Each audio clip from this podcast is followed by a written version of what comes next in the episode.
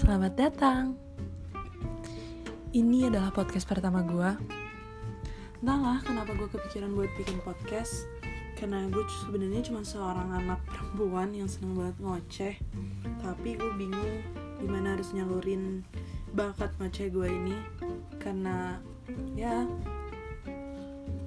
mungkin kalian tahu sendiri gak banyak orang yang mau denger ocehan gak penting so di episode pertama nanti gue bakal bahas diri gue sendiri dan keluarga gue